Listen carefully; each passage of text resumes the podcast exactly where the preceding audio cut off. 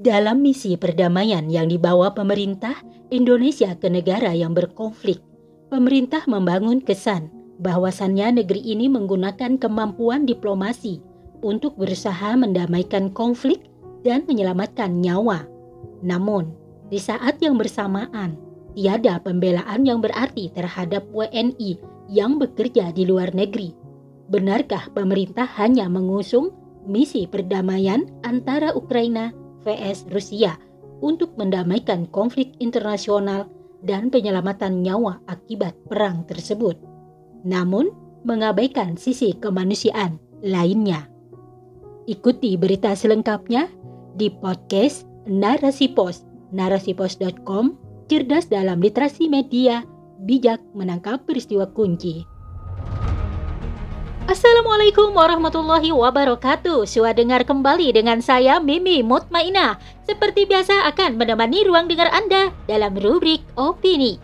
Kali ini saya akan membawakan judul Misi Perdamaian di Balik Derita Penyelamatan TKI oleh Siti Amelia Kia. Nah, pendengar setia, pantau terus kami di ruang dengar Anda di podcast Narasi Pos Media. Presiden Jokowi melakukan kunjungan kenegaraan ke Ukraina dan Rusia pada Rabu 29 Juni 2022. Perjalanan tersebut dalam rangka membawa misi perdamaian. Presiden Jokowi menemui Presiden Ukraina dan Presiden Rusia di Moskow.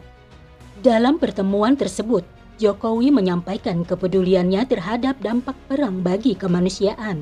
Kunjungan Jokowi tersebut merupakan kunjungan pertama Presiden Indonesia ke Ukraina dalam sejarah hubungan diplomatik dan juga kunjungan pertama Jokowi ke Moskow sebagai presiden. Seperti diketahui, Indonesia dari awal kemerdekaan menerapkan kebijakan politik luar negeri bebas aktif. Artinya, tidak memihak siapa pun negara yang bertikai. Bersikap netral merupakan jalan politik yang diambil negara Indonesia. Tujuan yang dapat diambil dalam politik bebas aktif adalah menguatkan dan mempertahankan perdamaian yang selaras dengan keanggotaan Indonesia dalam PBB. Namun upaya kunjungan Presiden Jokowi kedua negara tersebut juga terbebas dari adanya agenda politik Indonesia. Memang jika ditelisik lebih lanjut, kedatangan Indonesia ke Ukraina dan Rusia tidak serta-merta secara gamblang menghentikan konflik kedua negara tersebut. Apalagi jika dilihat posisi Indonesia bukanlah sebuah negara yang memiliki power di mata dunia internasional. Dalam kunjungan politik tersebut, Jokowi punya tujuan sendiri. Salah satunya adalah dalam rangka menyelenggarakan G20 sebagai bukti bahwa Indonesia, khususnya Bali, telah keluar dari wabah COVID-19. Tujuan lainnya adalah meminta Rusia menghentikan blokade atas ekspor gandum. Indonesia mengalami kesulitan gandum sehingga berdampak pada melonjaknya harga mie instan.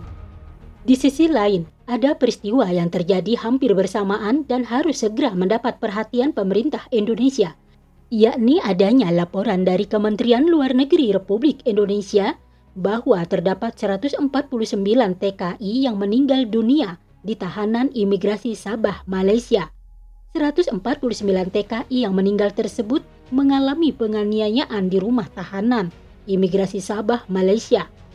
Dalam misi perdamaian yang dibawa pemerintah Indonesia ke negara yang berkonflik, pemerintah membangun kesan bahwasannya negara ini menggunakan kemampuan diplomasi untuk berusaha mendamaikan konflik dan menyelamatkan nyawa.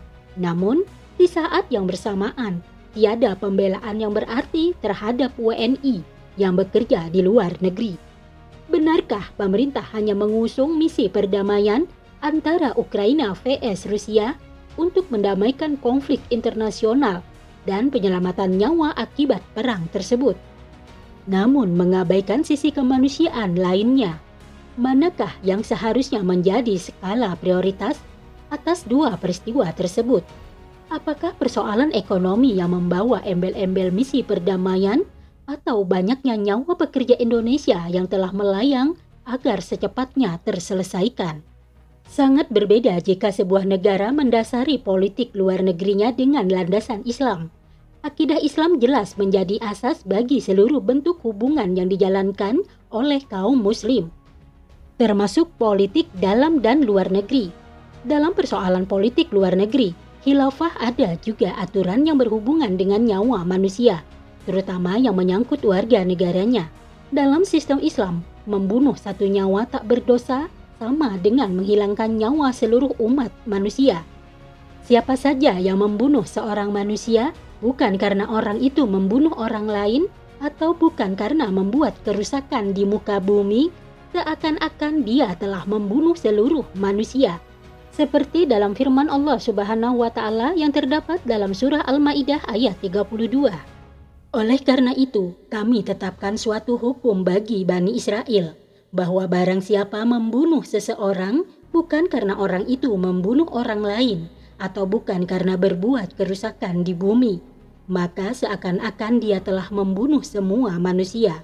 Barang siapa memelihara kehidupan seorang manusia, maka seakan-akan dia telah memelihara kehidupan semua manusia. Sesungguhnya Rasul telah datang kepada mereka dengan membawa keterangan-keterangan yang jelas. Tetapi kemudian banyak di antara mereka setelah itu melampaui batas di bumi. Jangankan pembunuhan, menimpakan bahaya dan kesusahan kepada sesama manusia diharamkan dalam Islam. Apalagi jika pelakunya adalah penguasa yang menimpakan kesusahan dan bahaya kepada rakyatnya.